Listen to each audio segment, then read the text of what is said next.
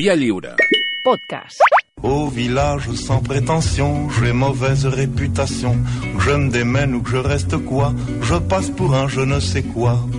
Je ne fais pourtant de tort à personne en suivant mon chemin de petit bonhomme. Mais Hola, Santi Jiménez. Hola, bon dia. Què tal, Malcom Otero, com estàs? Molt bon dia. Us trobo a faltar. Mare de Déu... eh, Sí? Sí, molt. La veritat és que sí. Sí, eh? Bueno, com esteu? Bé, jo bé, el Malcolm desesperat, però jo Què li encara passa? ho Què li vaig passa? tirant. Què li passa al Malcolm? Clar, com que tu surts al Buenafuente, no, Santi? Doncs ja... Ah, clar, eh, això, vamos, la, pas, la pastaca que em vaig endur. No, i ell pot sortir, té, té salvoconducte, ell pot sortir a la redacció, té gos, ah, ho té tot, el Santi ho té tot. El Santi té una vida perfecta, no? Però, però, Jo mataria per anar, jo volia Però- anar, jo volia anar a l'estudi. I el Santi em va dir que no, jo Sí, sí, a- ja em va dir, ja em va dir que no hi, ha, ja no, hi hauria embotits bondó ni fruita, No, i vaig dir, no, bueno, vale, no hi vaig. No, no. l'he- hagut de parar, l'he hagut de parar perquè, eh, eh, però, perquè ell té una família. Té una Ja, ja, família... ja, I, I jo també trobo molt a falta la seva família. Però ell, ell, ell volia... o sigui, s'ha- s'ha- havia encarregat per Amazon el, el traje de Dustin Hoffman de Estallido, talla gran, talla XX, talla XXXXL. Sí, han hagut... Sí, ja, ja, no hi ha, ja, no, ja no hi ha plàstic groc per, per, per fer més trajos d'aquests, però no, li vam dir, embotits bundó no n'hi ha, no hi, ha, no hi haurà fruita, el bar de baix està tancat, o sigui, ir per ir és tonteria. No? Exacte, exacte, com diuen d'Ikea, no? És per ir, estanteria. Bueno, eh, anem amb la- amb, amb d'avui, Santi. Sí, mira, eh, primer de tot hem de dir, eh, als bars que estiguin tranquils, que tornarem. És un missatge, si ens estan escoltant, els de la restauració... La recuperació i- sou i els- vosaltres, no? Bàsicament. Sí, estem en pretemporada. El que passa és que estem una mica desentrenats. Estem en plan Artur Melo, diguem-ne, no? Que li vaig veure, que té aquell gimnàs que sembla, que sembla la residència Oh, del bisbe. Però, oh, bueno, oh, anem- oh, oh, el gimnàs Sí, d'Artur, no? el jugador del Barça... És que, però què és allò? Què és allò? Ah, no, no ho sé, no ho sé. És És, que- és incomprensible, o sigui, No, no. A, a, a, amb vidrieres i Sí, amb, sí. amb, un, amb unes finestrals gòtics xungos i, No. i el tio allà fent... No sé, no sé. Sembla, no sé, sembla una residència d'un capitost eh, rus, no? De, de, ortodox, alguna cosa Sí, estranya. sí, sí, una, una, una cosa molt estranya. O sigui, es comencen a entendre moltes coses d'aquest tio, eh? Vull dir, ja començo a veure. Bueno, però anem, anem al nostre, al nostre execrable d'avui, que avui el nostre execrable és un d'aquests pota negra, eh? Es, és un escriptor mm, que dona nom a teatres, escoles, instituts, carrers, places, parcs, eh, segells, surt els... Bueno, eh, un, un d'aquests genis, perquè realment era un tio amb molt talent i molt prolífic prolífic, no confondre amb allò de rentar-se les dents, eh? De fet, va escriure més versos que retuits té la història dels Mindolos, aquesta del, del clan gitano de Granada, que no sé si l'heu vist, però és una de les coses que ens ha alegrat la, la, la, el confinament. És un dels més cèlebres dramaturgs del segle d'or, que no és una marca de xocolata, i les seves obres van ser un èxit en el seu moment i segueixen representant avui en dia. Més o menys seria com a, a l'autor de Verano Azul o, o de Goi de Goma amb Maricel, eh? però segueix sempre re, reposant-se. També és un dels homes més deslleials, infidels, envejosos, buscarraons del segle d'or. I a més era e- e- era mala, de, un, de mala barany, era, era gafe, era un mufa, que diuen els argentins. Avui tirarem de la tarima al Fénix del Ingenio, al poeta del cielo y de la tierra, al monstruo de la naturaleza. Realment es diu Lope Félix de Vega y Carpio, més conegut simplement com Lope de Vega. Lope de Vega fue un famoso autor Oi, oi, oi, oi. del siglo de oro. Oi, oi, oi, oi, oi. Escribiendo comedias era el mejor. Oi, oi, oi, oi. Siempre tan gracioso. Gracioso. La vez que López se divertía. Sus compromisos. Podeu explicar què és això i per què ho hem de Sí, suportar ara? això és, una, això és una cançó molt maca, perquè Molt. ara, que cada dia és l'uni, pues havien de posar, com deia, com deien aquests senyors que porten medalles i que cada dia estem esperant el dia que diguin allò de desarmado y cautivo el coronavirus, pues com cada dia és lunis, pues hem posat una cançó dels lunis de, de, de, de Lope de Cada dia és l'unis, Déu meu. Cada dia... Sí, el, se- el, el meu. senyor aquest de les medalles Sí, és el sí. l'únic jefe. Sí, sí. Va, va, va, tireu, que encara us vindrà algú de l'exèrcit. Sí, és veritat. Ui, bueno, anem, anem amb Lope. Per cert, una salutació a Jorge Sanz, que el seu fill es diu, el seu fill petit es diu també Lope. Ah. Però anem per l'altre Lope, el, el fill de Fèlix de Vega, que va néixer el 1562 a Madrid. I per què va néixer a Madrid? Perquè el seu pare, que era un faldiller, ja veurem que hi ha coses que s'hereten, va deixar la seva dona i va marxar amb un amant a Madrid. La Francisca, que és així com es deia la seva mare, va decidir anar a Madrid, la Paqui, a reconquerir el seu marit. I d'aquesta reconciliació va néixer Lope. De moment, si no és per la Paqui, la renovació del teatre del barroc no es produeix. Sí, als 5 anys eh, el, nostre, el nostre Lope llegia i escrivia el castellà. És a dir, que no havia fet la immersió lingüística. Però, ojo, que també escrivia i llegia en llatí. La font que trobem per aquesta meravella, que als 5 anys aquest home ja sabia declinar, és del propi Lope de Vega. Cal tenir en compte, per això, pels nostres oients, que l'ego de Lope deixava a Conor McGregor com un tio modest, com un monjo franciscà. Així que si algun dels escriptors de la seva generació hagués dit que aprenia llatí als dos, ell hagués dit que parlava llatí abans de néixer. És a dir, pre-nasciturum. I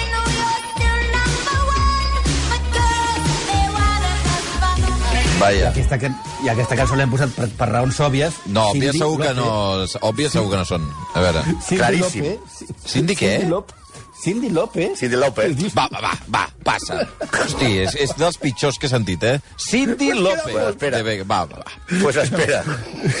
Seguim. Als 10 anys, als 10 anys entra al Col·legio Imperial, que és dels jesuïtes, i als 15 a la Universitat d'Alcalà, però entra a estudiar batxillerat, no la carrera. Però abans, atenció, als 13 ja va escriure una obra de teatre, i el títol és tota una declaració d'intencions. Es diu El verdadero amante. Segons ell, ja escriu obres als 11 i 12 anys, però aquesta és la primera important. Ell creia que era un do, perquè a més ell era molt, rap, molt ràpid en les rimes. Ell mateix diu en un poema Dentro de una hora, dentro de una hora, una hora y menos, y agora, callad, que no puede ser, que a muchos oigo decir, los que componen sudan, gruñen, gimen y trasudan, como, quieren como quien quiere parir. Fáltalos el natural, que da el cielo a quien él quiere. És a dir, sóc un superdotat i faig rimes a l'instant, un freestyler. Avui portaria un hoodie i la gorra de costat. Imagineu-vos que ell als 13 anys escriu una obra sobre els amants, ja veurem per on va el personatge. Si aquest tio arriba a descobrir el YouPorn als 13 anys, el Va. peta. Peta els Va, servidors. va. Riu-te tu de net. Va. Bueno, ell, ell, ell no acaba el batxillerat perquè li agraden massa les baralles. I sobretot les faldilles, les, dones, les dels dones, no les dels capellans. Tant li feia. Eh? O sigui, ell, ell, ell era una mica com el Javier Gurruchaga, si les prefieren gordes, les prefieren flaques, tot el que sigui, és igual. Ell, ell disparava tot per del que se li posava per davant. Encara que d'estudiant s'enamora de la filla d'un forner flamenc. A veure, no, de, no, no un cantaor, eh? però sinó de Flandes. Ah, de la, la Flandes. filla del forner flamenc, la filla del forner flamenc, crípticament es deia Maria d'Aragón. Oh. Sí, però bueno, o sigui, tenia nom de barra de pa, d'aquestes que vas a, a, a la fleca, i diuen, no pots demanar una barra de pa, t'han de donar com, un, com una carta de vins del celler de Can Roca per dir una pirenaica, una catalana, una campesina, una no sé què, això. Ell a la Maria d'Aragón l'anomenava Marfisa en els seus textos. I va tenir una filla amb ella, és a dir, que va, va inseminar. Però va morir als pocs anys, la filla. A més d'escriure, es va posar a treballar per al marquès de Alcántara. És a dir, ja existia el cuentament al segle, al segle XVI. Bé, en aquella època seria Vos me contáis. I els protagonistes amagaven los maravedíes y los reales del vellón a la hacienda de su majestad. Tú tienes el bate y la fuerza que yo necesito. Cuando estamos solos, te juro, no me falta nada. I ara? Te pongo un 13 de 10 cuando estamos Pues ara és Home, molt fàcil perquè és claríssim. Jennifer Lope Va, va, va. És La igual. Jennifer López. La Jennifer i a López. més, a més la cançó fa servir una, una, molt, una metàfora molt maca del bat parlant del seu amant i això va molt bé per la nostra història. Perquè Lope està en tractes carnals, perquè avui hi ha menors, amb Isabel de Urbina, que es diu Belisa en els seus textos, filla del pintor Diego d'Urbina. Però està amb altres mm, tractes carnals amb Elena Osorio, Filis o Dorotea en els seus textos, casada amb I quan l'actor li deia que sí, li deia, sí, Phyllis. l'actor Cristóbal Calderón. Segons Aroteclen, que ja va morir, Terrible. el pare d'Elena Osorio, Jerónimo Velázquez, li, de, li deixava enllitar-se amb ella durant 4 anys a canvi de que li escrivís comèdies per la seva companyia. Per què el pare d'Elena Osorio es diu Velázquez? Tampoc tenim ni idea. El que sí sabem... Bueno, aquesta, és aquesta, que aquesta anàlisi que heu fet, eh, incompleta, no? Sí, sí, és que no entenem Sí, això dels bueno. cognoms al segle d'or, és molt raro, sí. Per què? O sigui, la gent es diu d'una manera i de cop, mm, i de cop ja no s'ho diuen. Bueno, el pare es diu Velázquez i ella es Eh. diu Osorio, eh, el- és flamenc i es diu d'Aragón, no entenem molt bé. Hem de fer un estudi molt més profundat d'això. El que sí A veure, normalment nosaltres nosaltres anem a, a, a l'arxiu, a, a la Biblioteca Nacional, però ara amb el confinament no podem donar-li rigorositat No podem, científica eh, a tot el que investigació fem, està. perquè nosaltres ens passem hores allà. A, a, nosaltres cada programa agafem a l'AVE, ens anem a la Biblioteca Nacional, ens tanquem allà i comencem a, a, a revisar manuscritos. No t'ho estan deixant Bueno. fer, clar, clar. No, no, no. No, no, no, així no es pot fer un execrable en condicions, home. A veure, tenim molt clar que uh, uh, el, el, el Lope de Vega s'emprenya amb la, amb la Elena Osorio, que de fet es diu Velázquez, però bueno, tot amb, amb la noia aquesta. S'emprenya i aleshores publica Libels, Libels seria com l'Ok Diario o qualsevol diari d'aquests on treballés Linda o programa. O sigui, una, una cosa un- feta amb ànim d'ofendre i que és mentida, no? I Espera, espera, Santi, que, que no sé com- què diu el Malcolm. Què? Sí, és que ens hem saltat, ens hem saltat perquè s'emprenya eh, Lope, perquè quan aquesta Helena Osorio eh, es queda vídua, Sí. no va voler casar-se amb ell, sinó amb un noble ric. Ah, i el va deixar tirat. Perdona, perdona. Val, val, val, val. Llavors ell, ell s'emprenya amb ella. Val. I li, i li Ell escriu... s'emprenya amb ella. Això, això que dius, aquesta mena Libelos. de... Libelos. Això. Libels, li, libels. I en els libels escriu coses com Una dama se vende a quien la quiera, en la almoneda está, ¿quién quiere comprarla? Su padre es quien la vende, aunque calla. Su madre la sirvió de pregonera. Vaya. És a dir, que deixa la noia com si fos Neymar i el pare de la noia com a pai d'Ucraque. La família Velázquez o Osorio, o com collons se diguin aquesta gent, denuncia a Lope i el condemnen a presó. I ell què fa a la presó? Escriu més textos encara contra la família i el condemnen a 8 anys desterrat de la cort i dos del regne de Castella. Si se saltava aquesta, a, a, aquest confinament exterior i tornava, li feien, li tocava la pena de mort. Això sí que és la llei mordassa i no tancar el jueves. Si hagués existit Twitter en aquesta època, tots estaríem visquent pels per les muntanyes. La, la cosa és que abans de marxar a Madrid, en l'últim moment, segresta, amb consentiment de la segrestada, a Isabel d'Urbina, i es casa amb ella. A l'exili, entra a treballar a la cort ducal d'Antonio Álvarez de Toledo, duque de Alba, sí, ja sé que estic pensant en Cayetana. Però la seva dona mor en el postpart i es queda, es queda amb la criatura. Després va passar a treballar de secretari pel comte de Lemos, i si l'hem vist molt valent amb el pare de la seva amant, que era un empresari teatral, com era la seva relació amb els poderosos? Doncs és molt diferent. Com a exemple, una carta que li envia ell al comte de Lemos que diu «Yo, que tantas veces a sus pies, cual perro fiel, he dormido». Hosti. Ni caranca a Mourinho. Bueno, potser sí. Me llamo Luca. El niño del piso 2. Con mis padres. Aqu aquesta sí que, el, sí que el pilles, no? No. No sé ni què és. Home, sigui que- Susan, Ve Susan Vega, tant Lope, ara anem pels Vegas. Va, va, és igual. És, eh, sí, és, és infame. Ja. N'ha arribat un moment... Un Si anàvem a moment... posar a Vincent Vega a Pulp Fiction, però no, Pulp hem posat a Fiction, Susan. sí, Bu- bueno, doncs això, anem a, tornem a, al nostre Lope. Lope acaba la seva condemna del desterrament, perquè, eh, a més, recordem, s'acaba de morir la seva dona, i què és el següent que sabem d'ell? Doncs una altra condemna. Condemna, i com no podia ser d'una altra manera, per amancebamiento, que pel Eh? eh? l'ESO és allò moure el llom. Amb l'actriu Antònia Trillo. Res a veure amb el ministre Amancebamiento. que... Se- Se'n deia de- així, eh? de- Amancebamiento. Amancebamiento. Quan, És- fe, quan movies sí, el lloc amb sense el- casar-te. Ja, vols dir... Eh... Bé, sí, ja, el que ja s'entén. Sí, el que sí, sí, sí, allò, tirar el grumo. Eh, amb l'actriu A- Antònia Trillo. Sí, No, no, com el, no com el... Res a veure també amb aquell ministre famós de defensa, ara ambaixador a Londres, que era el que anava allà a Turquia a recollir els restes del llac 42 i jugava aquí d'on està la bolita. Llavors, decideix casar-se una altra vegada amb una senyora de diners, Juana de Guardo. perquè encara que ell comença a guanyar molts diners amb les seves obres, tant de treure la boa a passejar té les seves conseqüències. És a dir, que tenia fills per tot arreu, perquè el tio ja hem vist que és un Madelman, donde pone el ojo, pone la bala i va deixant prenyades a tothom. I això comença a ser molt car. Si no, que li preguntin a Roberto Carlos o a Julio Iglesias, perquè el nostre dramaturg és una mena de eh, Julio Iglesias a la letre. Va omplint el món de fills. Però és que aquest senyor, la veritat, té una picor, un je ne sais quoi entre les cames...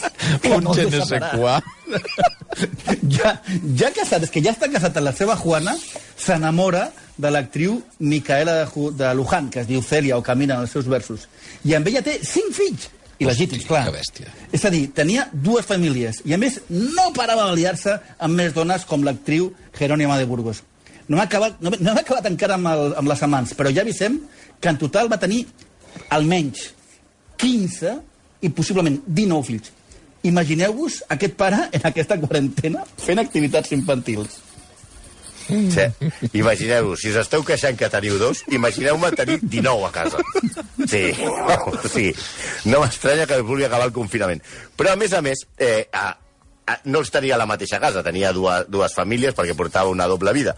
Ah, I guanyava diners, però clar, se li anaven als fills. I a més se li afegeix la dificultat que els teatres en aquella època tanquen durant dos anys. No pel coronavirus, sinó per Felip II, que pel dol de la mort de la seva filla decideix eh, prohibir qualsevol espectacle públic i d'alegria durant dos anys.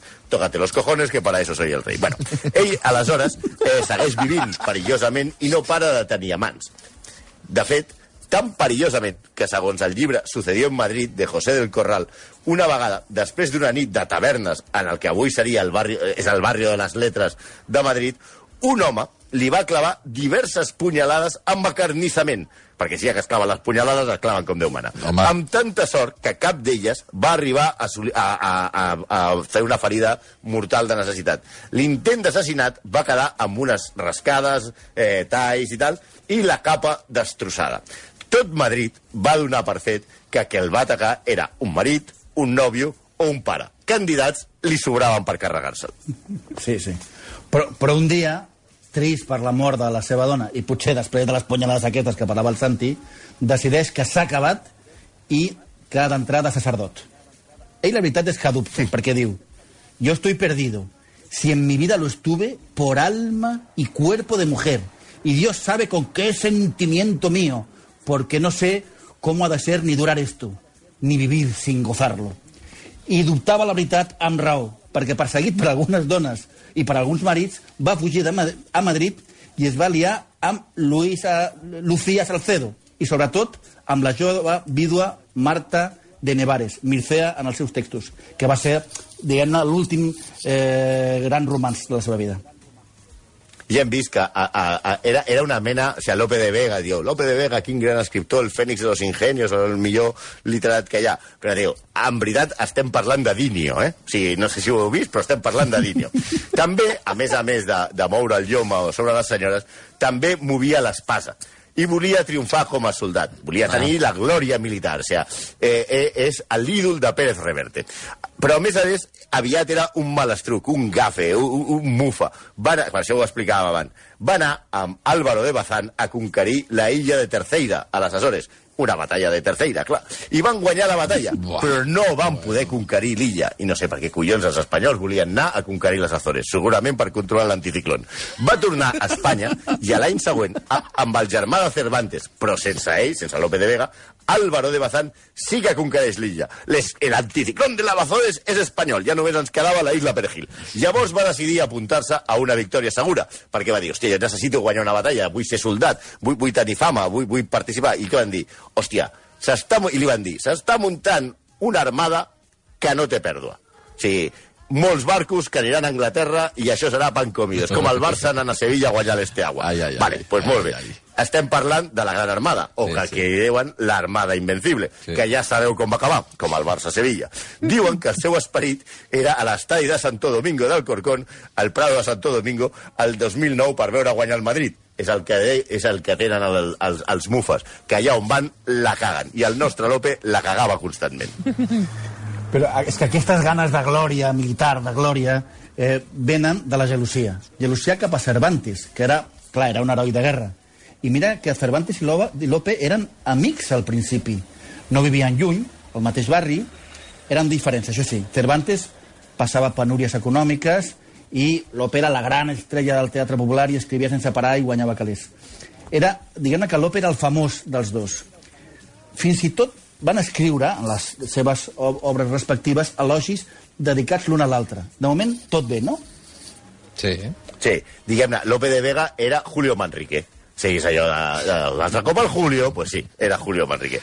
Doncs aquesta relació que tenien bé i que s'escrivien elogis, que deia el Malcolm, en principi tot bé, però no, perquè va arribar Cervantes i treu l'èxit dels èxits de la història, que no heu llegit cap de vosaltres, que es diu Don Quijote de la Mancha. Hombre. I aquest èxit tan gran, a l'època va ser tan insuportable per Lope de Vega que no podia suportar que el seu amic tingués més èxit d'ell. El de l'èxit se suposava que era ell, havia de ser ell. En el passat, Lope s'havia barallat amb tots els seus col·legues escriptors, i amb els empresaris, i amb els impressors, i amb els actors. Amb les actrius no, amb les actrius se, es liava, amb tots. Però Cervantes era més tímid i, i era més retra- retraigut, no semblava que no representava cap amenaça pel seu talent, fins que va i treu Don Quijote de la Mancha. De fet, Lope la va llegir abans que sortís publicada, segurament perquè Cervantes li va donar perquè la prologués i li fes la presentació al Jardineto. I què va dir? Sis mesos abans de publicar-se, atenció, això és el que escriu Lope de Vega del Don Quijote de la Mancha. Obro cometas. De poetas no digo, buen siglo es este. Muchos están en ciernes para el año que viene, pero ninguno hay tan malo como Cervantes, ni tan necio que alabe a Don Quijote. La clavó el chaval. Hosti, hosti, que sí, no para aquí. Diu, y ese tú, Don Quijote baladí, de culo en culo por el mundo va, vendiendo especias y azafrán romí, y al fin en, mulador, muladares parará. Sí, però això no és tot. Encara hi ha més. Perquè Cervantes preparava la segona part, va sortir una segona part falsa del Quixot, la del Quijote d'Avellaneda, que segons Luis Gómez Canseco té molts indicis que estigui escrita per Lope de Vega. Oh! Però això fa que el Oh, Quixot... molt lleig, això. Sí, jo te la, te la deixo a parir, però hòstia, però després resulta que el llibre agrada molt i dius saps què? La segona part ja la faig jo. Clar, per això fa que el Quijote encara millor llibre de, de, de, de la història, perquè Cervantes fa que els seus personatges, a la segona part, reaccionin al que ells es diu del Quixot fals. O sigui, és, és la metaliteratura, li contesta mitjançant el llibre. Per exemple, Sancho queixant-se del retrat de, que d'ell fan al Quijote d'Avellaneda i fa del Quixot una novel·la encara més brutal i una, una meravella. La veritat és que Lope tenia raó a l'estar gelós, encara que hi ha una dita literària que diu que si el Premi Cervantes existís a l'època de Cervantes, no l'hagués guanyat Cervantes, l'hagués guanyat Lope de Vega. és molt possible, això. Això sí, el carrer en el qual vivia Lope de Vega a Madrid avui és el carrer Cervantes. Oh! Mira, justícia poètica Oh! i mai millor dit. Quin home més ensorrat a la misèria. Aquest, aquest, amics meus, era Lope. Un home que estant en presó, treballant, anant a la guerra, bevent i barallant-se, va tenir 15 fills, va escriure 3.000 sonets, 3 novel·les, 4 novel·les curtes, 9 epopeies, 3 poemes didàctics i gairebé 2.000 comèdies. No m'ho vull imaginar el que podria haver fet confinat, a part de jugar amb les seves criatures. Bueno, sí, amb els 19, eh? Ja ho heu dit, eh? 19. Eh, doncs aquest és Lope de Vega, avui passat pels sedars dels il·lustres execrables. Nois, moltíssimes gràcies. Eh, en fi, Malcolm, mm, tots els ànims des d'aquí. Perquè veig que ets el Lope de Vega dels dos una mica, eh? Estàs, eh, tens una enveja enorme del Santi, eh? Sí, moca jo una mica menys, ja 17 t'aviso, eh? però bueno. Li falta què, diu? Que has dit 17 sentir? fills. Sí, només en té dos. Sí, sí, sí. Bueno, eh, eh, Home, la, ara tens temps, pots posar-t'hi. la idea, No, no, no, no, la idea no. és que n'arribi algun altre, Malcolm, o no? No, no, no, no, ja Val, no. De moment no, eh? Val. Malcolm Otero, moltíssimes gràcies. A vosaltres. Santi Jiménez, que vagi molt bé. Molt bé, una abraçada a tothom. Una abraçada. 11 i 38 minuts. Sauf les aveugles, bien entendu.